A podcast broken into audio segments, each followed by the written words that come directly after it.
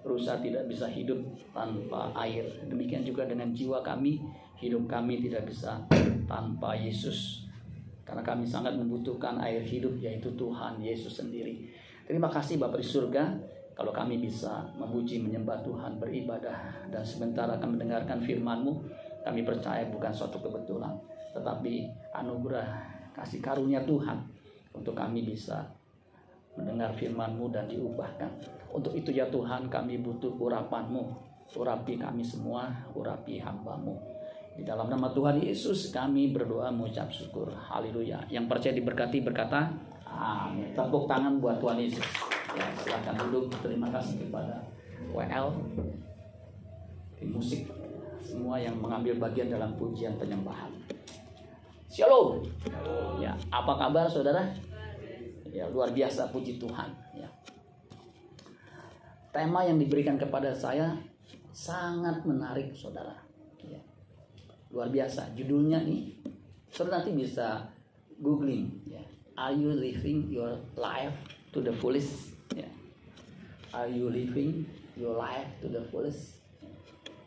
Uh, uh, pronunciation saya udah lama nggak dipakai ya jadi agak kaku ya wajar saudara ya kalau dulu saya walaupun Inggris saya nggak bagus-bagus amat masih hampir dipakai dalam bekerja ya karena semuanya bahasa Inggris nah apakah anda menjalani hidup anda sepenuhnya nah, ini pertanyaan yang bagus yang dibuat sebagai judul ya. tapi saudara sekalian Ya, dari pertanyaan ini ada pertanyaan yang penting untuk ditanyakan terhadap judul itu. Jadi pertanyaan atas pertanyaan yang jadi judul renungan kita itu dua hal yang penting yaitu what kind of life ya must lead to the fullest ya artinya kurang lebih apa what kind of life must lead to the fullest kehidupan yang seperti apa yang kita harus jalani sepenuhnya. Nah itu. Ya, kalau dalam menganalisa pertanyaan itu penting. Kehidupan seperti apa yang kita harus jalani sepenuhnya. Nah ini jangan sampai salah. Karena kalau pertanyaan ini kita jawab salah, ya, kita akan salah untuk mencapainya. Makanya pertanyaan kedua baru, how to live a life to the fullest bagaimana bisa menjalani kehidupan yang sepenuhnya itu yang tadi kita udah tahu kehidupan yang seperti apa. Nah itu dulu saudara yang kita mesti paham itu ya. kalau dalam metode berpikir kita mesti mengerti variabelnya ya kan are you living your life your life itu what kind of life ya, yang harus kita jalani sepenuhnya baru how to nya nah kalau how to How to, saudara tinggal googling aja. How to live yeah, the life or life to the fullest. Saudara ketik tuh di situ ya. How to live life to the fullest. Klik. Atau daripada pusing Google nanti mesti milih-milih. Cari wiki how. Tahu wiki how? Wiki how. Ada Wikipedia, ada wiki how. Saudara ketik how to live life to the fullest. Dapat deh. Ada tiga. Finding yourself. Following your path. Kemudian interacting with others. Kok tahu? Nyontek saudara ya. Karena ada wiki how. Ya. Apalagi sekarang ada chat GP, GPT, GPT. Kalau suka diplesetin si GPTO ya saudara ya, generative pre-training Terminator. Nah, itu lagi di heboh, saudara ya. Itu canggih. Ya. Saya dipraktekin sama teman pendeta. Besok lu mau khotbah, bingung. Ketik Matius 6 ayat 33 kaitannya dengan perkembangan AI di zaman now. Klik bahasa Inggris tentunya ya. Gitu ya. Dalam 10 detik keluar tuh. Seperti ini lembaran-lembarannya. Saya baca ini mantep kali nih. Jadi kalau pendeta mau khotbah persiapannya cukup 10 detik. Mantap nggak saudara? Hidup GPT saudara ya. Aduh, saya minggu lalu diskus sama Pak Wawan ya. Itu dia jelasin memang begitu saudara. Ya, mesti langganan goban di sebulan saudara ya. Nanti bulan Maret akan diluncurkan. Ya. Jadi how to-nya kita bisa belajar nanti dari googling, dari Google, ya Mbah Google ya. Tapi kalau mau lebih ini lagi bisa tanya itu chat GPT ya. Nah, itu persaingan yang luar biasa. Jadi saudara sekalian, saya ambil tentunya dari perspektif Alkitab, Alkitab yang saya harapkan fotonya habis ya, tapi bisa dengar ya. Yang saya harapkan bisa lebih apa namanya bermanfaat. Ya, Sambil dicari kalau ada itu. Tes tes bisa digedein ya. Nah, makanya saya nggak pakai Google atau nggak pakai uh, Chat GPT saya renungkan firman Tuhan secara Alkitab. Sebab begini saudara, di Alkitab ada seorang raja yang menurut saya itu secara manusia sudah menjalani kehidupan yang sepenuhnya yang ideal, ya, namanya Salomo. Salomo itu ya sudah mendapatkan yang diinginkan manusia. Ya. Ini saya nggak bergerak bunyi bunyi petasan nih. Nah, jadi bisa diklik Salomo ini, saudara, raja yang paling kaya yang pernah hidup di planet kita ini, bumi ini. Ya. Dia punya tiga tah itu polis sepenuhnya, maksimal lah, ya. Dia punya tahta ya kerajaan yang disegani. Bahkan Ratu Seba datang untuk mengunjungi kerajaannya dan kagum. Jadi kita lihat tuh ya uh, Ratu Saiba itu luar biasa. Dia studi banding bandingkan dengan kerajaannya dia bilang ini luar biasa. Melebihi dari yang saya lebih melebihi dari yang saya duga. Ya, tahta. Kemudian harta. Makasih harta. Nah, ini hartanya tujuh turunan delapan tanjakan sembilan tikungan sepuluh solokan. Nggak bisa habis. Saudara mau pakai apa pun nggak habis. Beli mobil Rubicon. Tahu Rubicon? 1,7 ya. saya pengen beli itu saudara ya. Cuman kayaknya nggak perlu ya. Perlu yang, yang bisa rodanya boleh aja. Nggak habis habis kemudian wanita jangan ditanya. Tata harta wanita. Istrinya berapa? Gundiknya berapa? Totalnya berapa Seribu. Seribu itu banyak saudara ya. Seribu wanita. Saya bisa bayangin, aduh ini kalau seribu bayanginnya ketemu hari ini tanggal 1 Januari. Cantik luar biasa ya pasti kan ya. Namanya raja kali pilihan. Kemudian seribu lagi ya tiap hari satu-satu kemudian hari ke seribu ketemu dia lagi lu siapa ya lupa saking banyaknya saudara ya jadi dia mendapatkan semuanya. Tapi dia tulis, dia menulis Amsal, menulis Kidung Agung. Jadi Kidung Agung dibuat waktu dia muda. Ya Amsal di pertengahan dan di akhir hidupnya. Dia tulis mengkhotbah. Vanity of vanities, says the preacher. All is vanity. Artinya apa? Mana peneti? Ya, bukan. Bukan peneti, bukan. Vanity of vanities. Vanity of vanities. Vanities yang kedua itu plural, jamak. Artinya kesia-siaan di atas segala kesia-siaan. Jadi apa yang dia capai itu sebenarnya kesia kesia-siaan di atas kesia-siaan. Kenapa dia bilang? Says the preacher. Si pengkhotbah ini ngomong apa? Itu dia. All is vanity. Coba katakan all is vanity. All is Nah, saudara kan lihat salah tuh ternyata. Saya dulu aja, saya kan dari sekolah minggu remaja, pemuda sampai sekarang ini udah ABG. Ya, kan Kristen. Dulu saya bisa salah. Saya pikir, makanya saya kerja keras. Saya kan orang kebun pala. Orang kebun pala. Itu, nah ini Hans orang kebun pala ya. Hampir tahu ya. Saya bilang, susah begini, gimana bisa kaya? Makanya saya nemukan lu mesti pinteran dikit. Ya mesti sekolah tinggi dikit. Baru bisa kerja.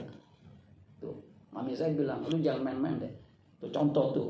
Contohin ada satu pemuda yang udah lulusan S1 ya lulusan dulu sekolah guru nah, IKIP kalau dia kayak dia dia kerja tuh di Astra. Lihat aja hidupnya. Nggak kayak bapak lu mengaku apa namanya cuman sopir. Saya pikir benar.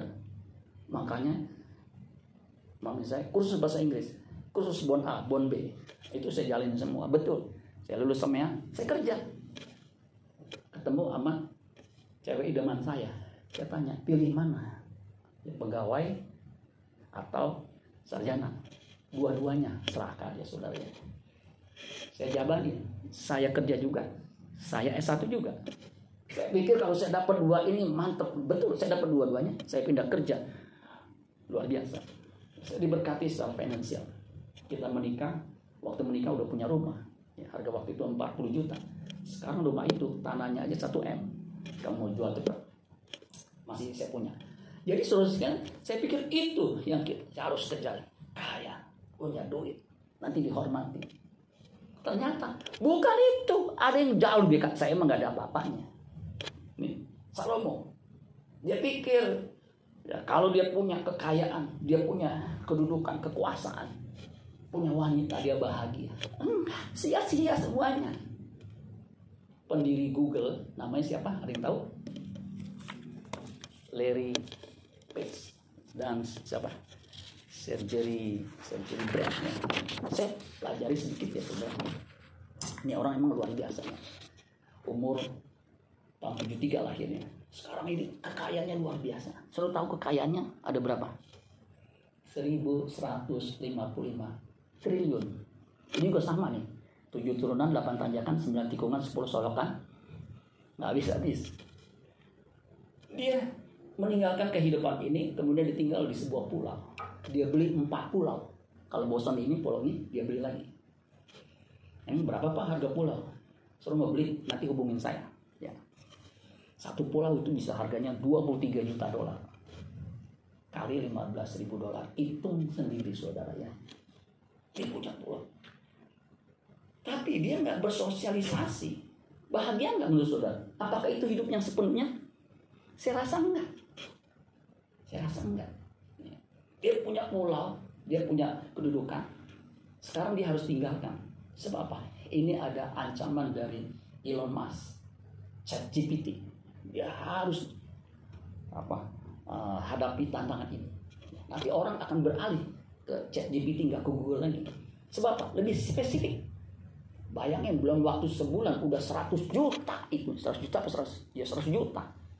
Yang yang apa namanya uh, mengikuti atau jadi follower chat GPT atau open AI itu. Nah, itu kan luar biasa saudara sekali jadi bukan itu saudara. Jangan salah. Amin saudara sekali nah untuk itu makanya kalau seorang menemukan ini lebih awal saya udah menemukan dulu kan itu perubahannya betul. Teman seangkatan saya sama saya kalau dibandingkan ya secara uh, jasmani secara ini saya lebih beruntung. Yaitu karena di dalam Tuhan juga. Dan juga karena memang punya hikmat begitu. Nah saudara juga begitu. Saudara akan jauh lebih beruntung kalau menemukan aha momennya kemudian saudara laksanakan. Amin seterusnya saudara jalani sepenuhnya itu. Ya, sampai nanti di ujung maut saya akan bersyukur, saya bersyukur ya, umur saya udah 77. Saya harus tua, tapi saya senang itu. Saya senang. Tuh. Jangan sampai umur 80 kagak mau mati sebab takut mati. Kekayaannya banyak tetapi takut mati. Mati juga nggak saudara sekali? Mati. Jimmy Carter usianya 98. Bekas Presiden Amerika. Dokter mengatakan, Humi humipis yang masuk ke humipis atau perawatan namanya paliatif. Artinya udah nggak bisa diobatin lagi tunggu mati. Nah, apakah dia siap mati? Saya nggak tahu. Saya bukan cucunya. Ya, saya bukan era, apa relasinya.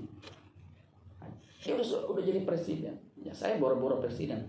Camat aja belum saudara. Ya. nah kalau salah menjalani di ujung maut nggak bisa ngulang Kalau kalau ujian bisa ngulang, tetapi kalau ini nggak bisa ngulang.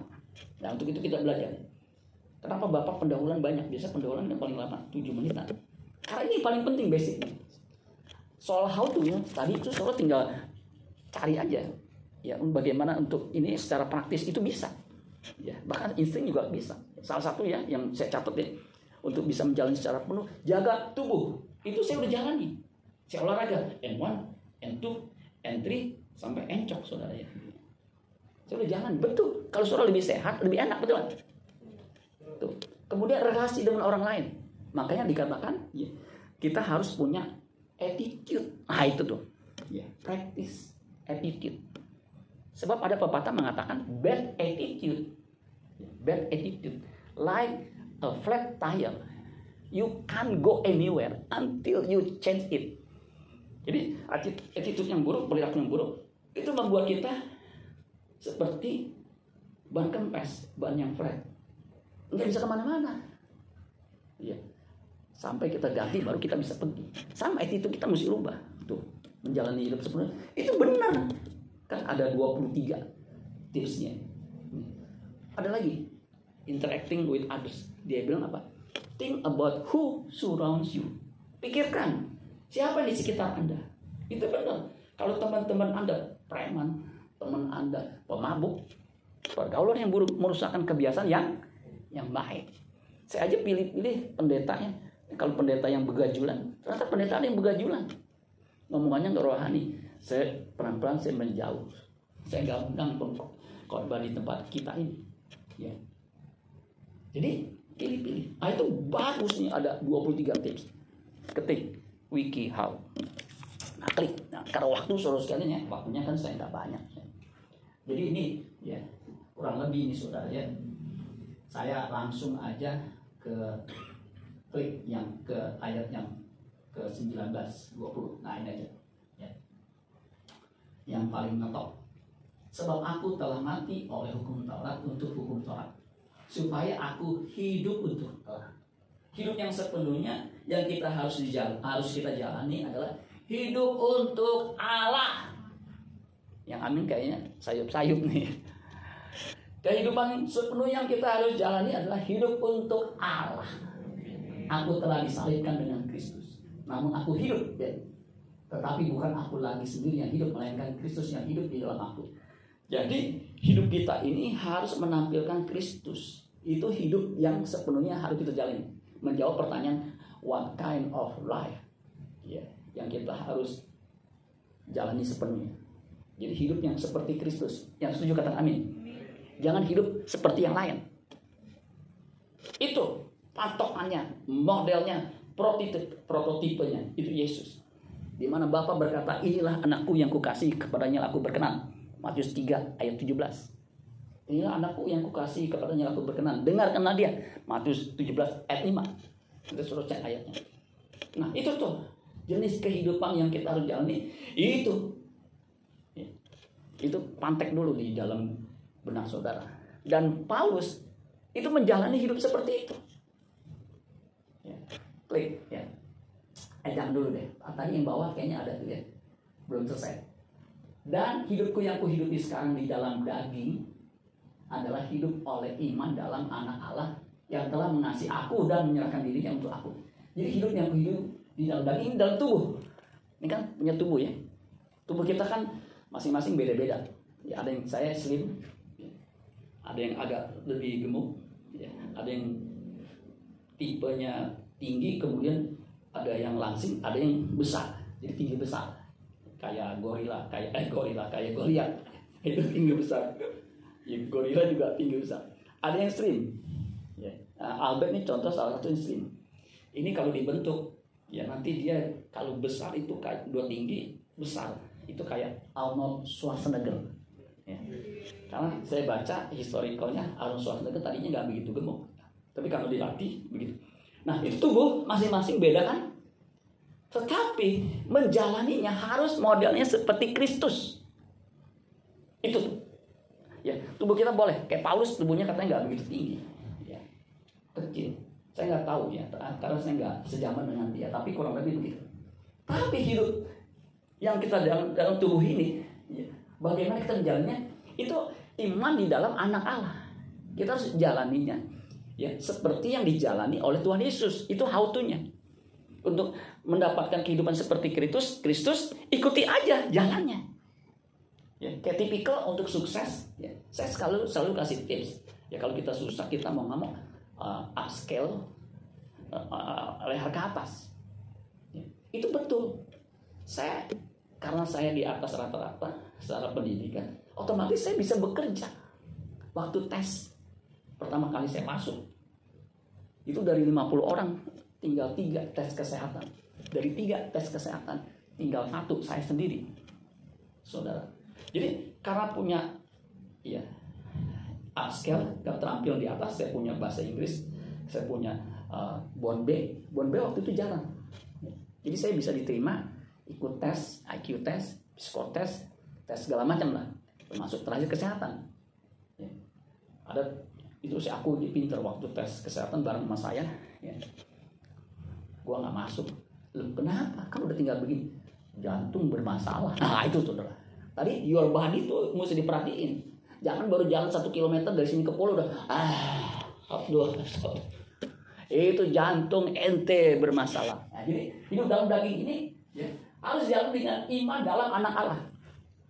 Eh, dalam anak Allah atau dalam Kristus ini adalah kondisi yang optimal, kondisi syarat utama yang harus dijalani. Enggak bisa enggak yang disebut dengan uh, eksekut, uh, yang disebut dengan uh, apa namanya tuh kondisi yang haruslah begitu. Ya. Enggak bisa. Yang disebut first class kondisional. Ya. First class itu sudah tahu ya kalau di pesawat first class nomor satu first class kondisional itu harus dalam Tuhan. Menjalani hidup sepenuhnya harus dalam Tuhan. Amin. Ini penting. Di luar Tuhan, di luar aku, Yesus berkata, kamu tidak dapat berbuat apa-apa. Boleh, saudara mungkin belajar ikuti praktek seperti how to di Wikipedia, wiki how. Tetapi kalau nggak dalam Tuhan, lihat aja hasilnya. Makanya Salomo berkata pada akhirnya kesimpulannya, takut akan Tuhan itu kuncinya. Takut akan Tuhan sebenarnya bahasa lain dari di dalam Tuhan. Amin saudara sekalian. Jadi kalau saudara takut akan Tuhan, nggak ada orang yang bisa mengalahkan orang yang takut akan Tuhan. Sebenarnya kalimat itu berasal dari tidak ada orang yang bisa mengalahkan orang yang mengasihi Tuhan. Sama dengan karena, karena tadi first class kondisional, tidak ada orang yang bisa mengalahkan orang yang di dalam Tuhan. Amin kan? Kalau di luar Tuhan, kamu tidak dapat berbuat apa-apa. Tidak bisa berbuat apa-apa, tidak bisa berbuah. Seperti yang Tuhan kehendaki, yaitu menjalani kehidupan yang berkenan. Karena di luar Tuhan, nggak ada orang yang bisa berkenan, nggak ada. Kira-kira paham saudara sekalian? Jadi inti khotbahnya di sini. Dan saya pikir ini teologi yang kita harus kembangkan, yang kita harus ajarkan. Bagaimana kehidupan kita seperti Kristus. Paulus itu paham. Maka di Roma pasal 8, ya, kita tahu sekarang. Allah turut bekerja dalam segala sesuatu. Mendatangkan kebaikan bagi mereka yang mengasihi dia. Yang mengasihi dia itu nanti saudara ditargetkan ayat 29 menjadi segambar dengan gambaran anaknya. Artinya segambar serupa dengan Allah. Serupa dengan Kristus. Yang sama dengan sempurna seperti Bapa. Prosesnya di ayat 30-nya. Kita dibenarkan. Justify. Justification. Dibenarkan ada dua. Secara pasif, waktu kita percaya Yesus sebagai Tuhan dan Juru Selamat, status kita udah benar. Statusnya Allah sudah mengampuni, menebus, melupakan. Tetapi kita juga harus bukan hanya dibenarkan secara pasif, tetapi secara aktif. Kita hanya aktif. Yang disebut dengan sanctification, pengurusan. Sampai kita betul-betul menjadi anak Allah yang berkenan. Di mana Bapak berkata, inilah anakku yang kukasih, kepadanya aku berkenan. Bukan hanya tidak berbuat dosa, tetapi tidak bisa lagi berbuat dosa. Karena kodratnya diubahkan. Susah nggak Pak? Bukan hanya susah, mustahil. Tetapi apa yang mustahil bagi manusia tidak mustahil bagi Allah, bagi orang percaya. Makanya harus di dalam iman di dalam anak Allah. luar biasa ya yang telah mengasihi aku dan menyerahkan dirinya untuk aku aku tidak menolak kasih karunia Allah sebab sekiranya ada kebenaran oleh hukum Taurat maka sia-sialah kematian Kristus ya. jadi kematian Kristus itu segala-galanya buat kita supaya kita bisa menjalani kehidupan sepenuhnya. Kalau Adam nggak jatuh dalam dosa dia bisa menjalani sepenuhnya. Seperti yang Allah rencanakan. Baiklah kita menjadikan manusia menurut gambar dan rupa kita. Jadi manusia diproyeksikan, diharapkan ketika diciptakan. Itu memiliki gambar dan rupa, artinya memiliki karakter ilahi seperti penciptanya. Pikiran perasaannya seperti yang dimiliki oleh penciptanya. Makanya harus belajar mengkonsumsi buah pohon kehidupan yang secara metafora itu artinya apa? Belajar kepada dia. Ya kalau sudah baca tuh ya, Allah berbicara itu sama tuh, berfirman. Itu kan Allah itu kan apa? Yesus itu kan logos ya, firman. Nah, sama dengan kayak begini kita belajar memasukkan pikiran kita supaya pikiran kita diubahkan. Ya. Nah, itu luar biasa. Next. Nah, saudara, ini terjemahan sederhana Indonesia. Ya. Kalau ayat 20 itu berarti bukan lagi saya yang mengurus hidup saya, tetapi Kristus yang hidup di dalam diri saya. Jadi saudara mau harus bersedia diurus oleh Tuhan. Amin. Kita ngurus diri sendiri terbatas. Tetapi kalau kita dalam Tuhan, digandani Tuhan, itu akan melebihi batas yang kita pikirkan. Seluruh hidup saya dalam tubuh duniawi ini saya jalani hanya berdasarkan percaya penuh kepada anak Allah yang begitu mengasihi saya. Itu jelasnya. Ayat 21 bagian terakhir karena kalau kita berpikir bahwa manusia bisa dibenarkan dengan menaati hukum Taurat, eh hukum tadi hukum, maka percuma saja kematian Kristus untuk menebus kita. Jadi kematian Kristus menebus kita itu untuk mengubah keadaan kita ini. Ya, bukan hanya statusnya anak Allah, tetapi keberadaannya. Next. Nah ini firman Allah yang hidup ya. Jadi ayat 20 ya. Sedangkan hidup yang sekarang yang saya miliki dalam tubuh ini adalah hasil iman. Coba katakan hasil iman. Hasil iman. Nah, iman itu bukan hanya sekedar percaya di mulut, di pikiran tetapi harus masuk ke dalam tindakan dalam perilaku. Iman tanpa perbuatan adalah mati, sia-sia, kosong. Jadi harus ada tindakannya. Tindakan iman itu saudara, ya, kalau kita percaya Yesus, percaya Yesus itu Yohanes 6 ayat 29 itu pekerjaan, tindakan. Nah, tindakan kalau kita remaja, kita aplikasikan, tindakan percaya Yesus itu? Ya, ya hadiri ibadah, baca Alkitab, Doa setiap hari. Kalau mau bertumbuh, kalau mau iman itu ada hasilnya, harus ada tindakan demi tindakan. Tapi saudara, nggak bisa. Harus konsisten terus, terus. Saya bersyukur saya orang yang konsisten. Sampai ini cucu dari papa saya, papi saya. Jadi ini kan keponakan. Tekun, konsisten. Karena opanya juga begitu. Ya. Terus, terus nggak boleh lepas nggak boleh sekali lepas di luar aku kamu tidak dapat berbuat apa-apa amin terus terus nanti hasil iman itu ada hasilnya yang tadi saya bilang orang kan bisa melihat tuh ada hasilnya. Jangan sampai kita seperti Salomo udah segala macam sia-sia nggak ada hasilnya. Kita mau ada hasilnya. Hasilnya apa? Buah keselamatan itu tinggal di kerajaannya. Amin. Itu hasil iman. Kalau keselamatan itu diubahkan kita menjadi segambar serupa dengan anaknya Kristus. Ya. Hasilnya adalah kita bisa tinggal. Keselamatan itu hasil iman di mana kita bisa tinggal di kerajaannya. Ya. Next, nah saudara, saya saya buat bagan. Next, nah ini saudara ya. Jadi kita harus memeriksa, menelusuri ya, kehidupan Kristus yang tadi model sebagai kehidupan Kristiani ya, kan Kristus. Nah ini ada lima saudara yang menurut saya kita harus ya, setelah telusuri aplikasikan. Ya, karena waktu kan nggak mungkin. Ya. Yesus hidup hidup dalam pemerintahan Allah. Ya. Makanya dia berkata makananku ialah melakukan kehendak dia yang mengutus aku dan menyelesaikan pekerjaannya. Yohanes 4 ayat 34. Jadi saudara harus melakukan kehendak Allah seperti Kristus. Kan kita harus meneladani dia. Kemudian saudara, Yesus itu hidup dalam doa. Makanya dia disebut man of prayer. Waktu saya kecil sekolah minggu, saya sekolah minggu. Baca kitab suci, doa tiap hari, doa tiap hari, doa tiap hari. Baca kitab suci, doa tiap hari kalau mau tumbuh. Kalau mau tumbuh, kalau mau tumbuh. Diulang lagi.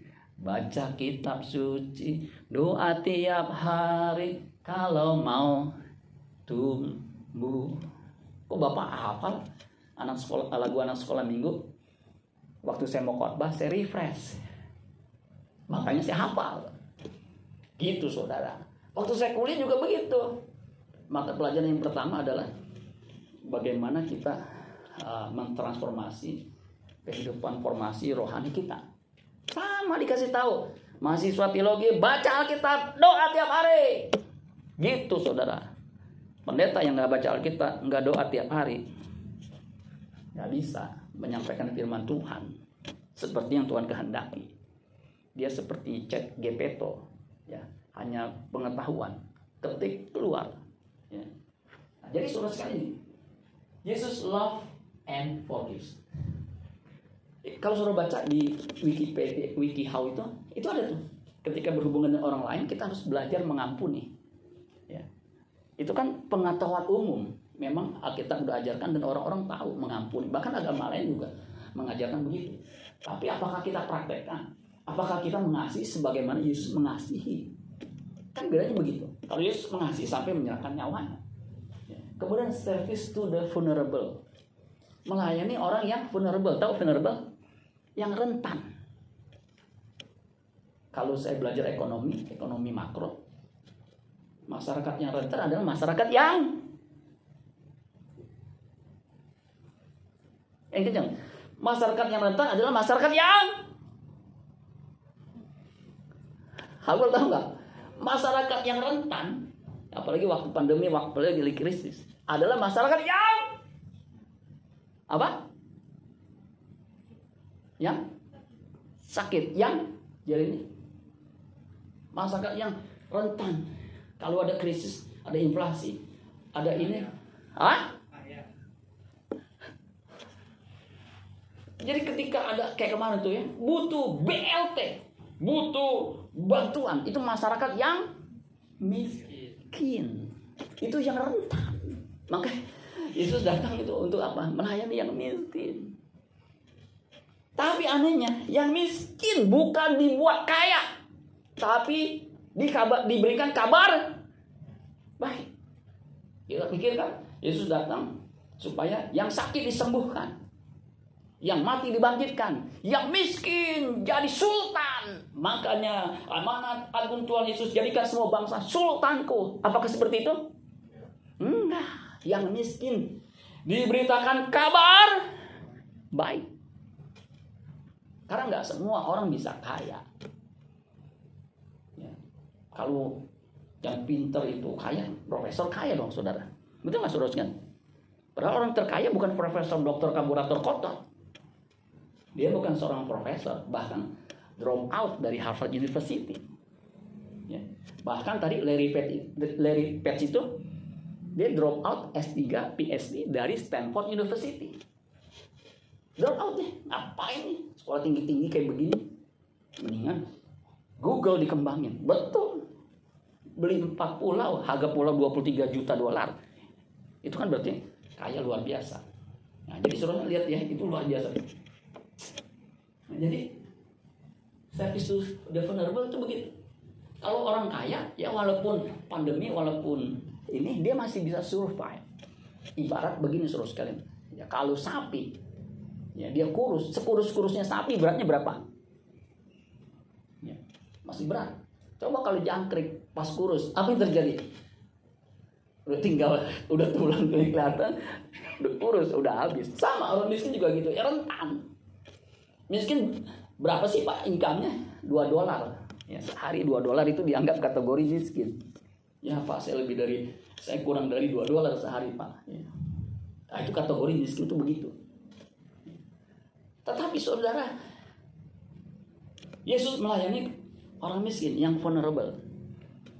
Saya tadi pagi sambil nunggu dokter gigi dari jam 9. Dokter datang jam 11, hampir 2 jam lebih ya. Saya ikut seminar. Ternyata yang paling rentan saat ini populasi yang ada di dunia 2,2 miliar diprediksi 2025 itu yang rentan. Kenapa? Rentan terhadap seksual abuse. Saya kagetnya luar biasa menurut ya Internet Watch Foundation yang ada di UK United Kingdom itu mengatakan generasi alpha 2011 sampai 2025 itu generasi alpha. Itu jatuh dalam keadaan yang disebut ya vulnerable-nya apa? Keadaan yang disebut dengan ini, ini suruh catat. Hyper sexualized society. Dia akan menjadi masyarakat yang hyper sexualized. Artinya yang lebih batas seksual yang seharusnya. Internet Watch Foundation ini bukan tanpa dasar. Hasil penelitian dia tahun 2021 itu waktu pandemi konten-konten. Jadi konten itu ada namanya konten director atau konten kreator. Meningkat 375% dibandingkan 2019. Ternyata peningkatan itu konten itu dibuat memang pakai HP, pakai Android, pakai tablet. Yang celakanya yang membuat konten pornografi untuk anak-anak itu adalah anak usia 7 sampai 10 tahun saya geleng-geleng kepalanya. Saya kan juga konten kreator soal biasa dengan korban-korban saya ketik aja cecep supama itu kan tidak mudah. Saya kan nggak terlalu ya gaptek tapi nggak juga tapi gitu susah. Anak-anak 7 sampai 8 tahun bisa bikin konten. Waktu pandemi gak ada kerjaan nggak sekolah nggak ini. Dia buat makanya kelipatannya tiga kali lipat. Luar biasa Makanya nggak heran di Mojokerto anak usia ini luar biasa 8 tahun memperkosa anak kecil TK juga 6 tahun sampai lima kali. Itu luar biasa. Bahkan yang lebih bejat lagi saudara sekalian dia paksa temannya yang usianya nggak beda jauh sama dia untuk memperkosa yang dia perkosa itu yang udah lima kali untuk perkosa dia dua kali. Itu pas mamanya tahu mamanya bukan hanya murka itu geram. Persoalannya ini anak 8 tahun melakukan kejahatan dewasa. Hukumnya gimana? Anak-anak kan nggak bisa dihukum. Tapi kejahatannya begitu. So nanti baca ketikanya Mojokerto, anak 8 tahun memperkosa. Eh, cari sendiri dah. Saya ngomong kan bukan ngarang-ngarang. Remaja 14 ada yang 17 jadi dua orang ada yang menengarai enggak 14 pak. Tapi memang enggak belum ada KTP anggap remaja lah 17 dia itu karena nonton uh, bagaimana bisa kaya. Dilihat ini gampang kayaknya. Jual jual organ tubuh jual ginjal 200 juta. Hati 300 juta udah setengah miliar. Anak umur 11 tahun randomly dia bekal sama temennya. Kemudian dia bilang kita jual organnya Temannya bilang, gimana jualnya? Ya kita ambil. Bagaimana ngambilnya? Hayo. Misal udah mati, ngambilnya gimana? Ginjal yang katanya 200 juta. Ada dua kan? Jadi 400 juta. Ngambilnya gimana? Lu kira boneka Barbie tinggal ngambil begitu? Dia bilang bingung gimana caranya. Akhirnya buang. Apa yang terjadi seterusnya? Ketahuan. Iya ini masih remaja. Melakukan kejahatan yang luar biasa jahat. Pembunuhan berencana kena vonis 340 atau 338 itu hukuman mati. 20 tahun. Seumur hidup. Nah sekarang gimana menghukumnya ini? Gimana? Setidaknya juga bingung saudara ya. Nah itu. Ini vulnerable. Ini rentan. Makanya saudara sekalian generasi alpha ini ya, yang disebut dengan hyper hyper hyper atau hyper socialize socialized, sexualized society. Susah banget ya. sexualized society. Ya masyarakat yang vulnerable. Kita gereja kita, eh, saya yang dikatakan Pak Wawan minggu lalu ya. Ini generasi mesti butuh penanganan. Nanti gereja kita habis nih, saya kan udah mau 60 nih, begitu ya. Saya bilang, aduh ini gimana ya, ampun ya. Ke gereja kita miris. Ya, yang bohongannya miris. miris. Karena gimana caranya? Ayo saudara, mulai dari saudara, amin. Ayo konsisten, konsisten. Ya. Jeremy konsisten. Kamu main gitar udah bagus. Ya. Udah segitu tuh udah bisa mantep tuh, latihan terus. Amin. Kalau udah bisa begini, pakai pakai ini nih, serap. Ya, naik lagi serap gitu ya. Kontokannya, wah itu mantep saudara ya.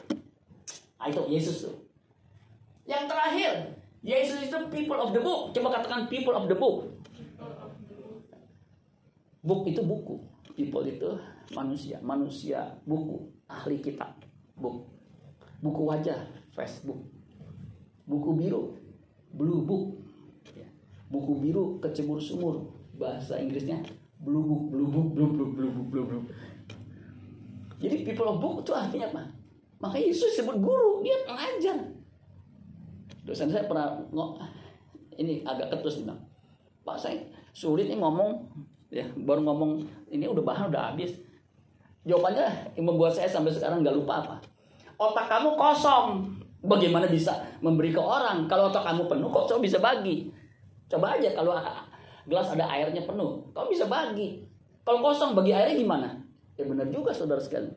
Nah untuk bisa otak kita diisi, yang tadi saya bilang upscale itu, yang di upgrade itu, ya harga atas. Dengan firman itu luar biasa. Alkitab itu nggak ada habis-habisnya untuk dibahas, untuk dipelajari, untuk terus menerus digali. Nanti saudara akan ada dapat kebenaran demi kebenaran. Ya, begitu. Jadi saudara people of the book. Saudara mesti rajin belajar. Amin belajar Alkitab, firman Tuhan. Ya, saya kan bukan sekolah teologi apa. Nggak ada masalah, baca aja. Begitu saudara. Ya, berikut. Nah, saudara, ini yang tadi ya, saya udah jelaskan. Jadi fokus kita contohnya adalah Yesus. Itu yang kita harus kejar.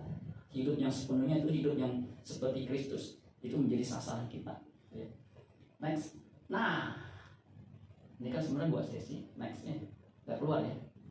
Ah, Nah, ini luar biasa ya. Jadi Yesus itu meninggalkan teladan. Kita ikutin aja. Tadi saya sudah jelaskan. Yesus itu melakukan kehendak Bapa, reign of God. Ya. Fokus hidup kita harus ke situ. Amin, saudara. Nah, kita yang udah percaya Yesus supaya punya hasil iman yang seperti yang tadi saya katakan, wajib hidup sama seperti Kristus hidup. Amin, saudara sekalian. Filipi 2 ayat 5 dalam hidupmu bersama, hendaklah kamu dalam hidupmu bersama menaruh pikiran dan perasaan yang terdapat juga dalam Kristus Yesus. Ya, New English Translation mengatakan begini untuk ayat tersebut. Ya. You should have the same attitude toward one another. Artinya ketika berhubungan dengan yang lain. That Christ Jesus had. Ya. Jadi you should have the same attitude that Christ Jesus had had yeah. while you relationship one another. Jadi ketika kita berhubungan dengan yang lain, kita harus punya attitude seperti yang dimiliki Kristus. Untuk bisa memiliki attitude seperti yang dimiliki Kristus, kita harus belajar kebenaran. Ya, supaya bisa seperti Yesus yang adalah kebenaran. Di Matius 20 ayat 28, itu ada yang menarik. Matius 20 ayat 28 kan bunyinya sama seperti anak manusia datang bukan untuk dilayani, melainkan untuk melayani aktif, me, bukan untuk dilayani, tapi melayani dan memberikan nyawanya sebagai tebusan bagi banyak orang. Terjemahan Living Bible itu bagus begini. Terjemahannya ya dia bilang begini.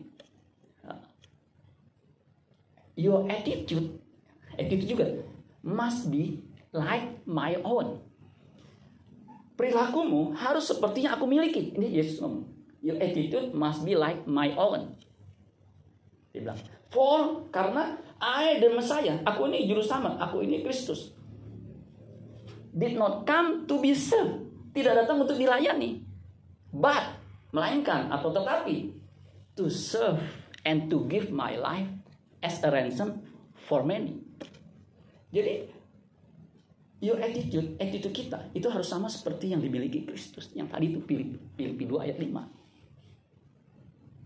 Jadi wajib kita hidup sama seperti Kristus supaya kita punya attitude seperti dia. Karena hanya orang yang punya attitude seperti dia yang bisa ya, menuju kepada Bapa di surga. Yang kalau kita tadi itu quote yang terkenal, a bad attitude is like flat tire. You can't go anywhere until you change it. Kita nggak bisa ke mana-mana. Boro-boro masuk ke rumah Bapak di sorga. Nggak bisa ke mana-mana. Harus change your attitude dengan attitude Kristus. Amin saudara? Kalau nggak bisa. Ya memang kalau attitude baik saudara, percaya gak? Ya. Salah satu keunggulan saya, kenapa saya walaupun lulusan lokal bisa mencapai posisi FVP? Karena good attitude. Ketika saya diutus ke Singapura, saudaranya, orang tuh suka men, menjamu bukan menjamu menyambut saudara karena ketika di Jakarta saya juga menyambut mereka melayani mereka dengan baik dan umumnya saya punya relasi dengan bos ya, atasan saya dan juga atasan atasan saya lagi sampai ke atas tiga itu saya deket begitu saudara saya juga bergaul dengan peer peer itu sesama kalau saya manajer dulu dengan manajer, kan ada forumnya manajer. Jadi kalau mereka ada kesulitan, saya kan di finance. Saya bantu sepenuhnya. Sehingga ketika saya ada kebutuhan dari marketing, ada orang marketing bilang begini, kalau untuk cecep, apa pun saya kasih. Makanya bad attitude itu bahaya. Tapi kalau good attitude sangat membantu. Amin saudara. Di mana pun saudara akan bisa survive. Ya, itu wajib hidup sama seperti Kristus. Baru kita bisa berkata seperti Paulus. Karena bagiku hidup adalah Kristus. Mati adalah untung. Kenapa? Kita akan diterima di kerajaan. Amin buat firman Tuhan. Tepuk tangan buat Tuhan Yesus. Saya undang kita bangkit berdiri.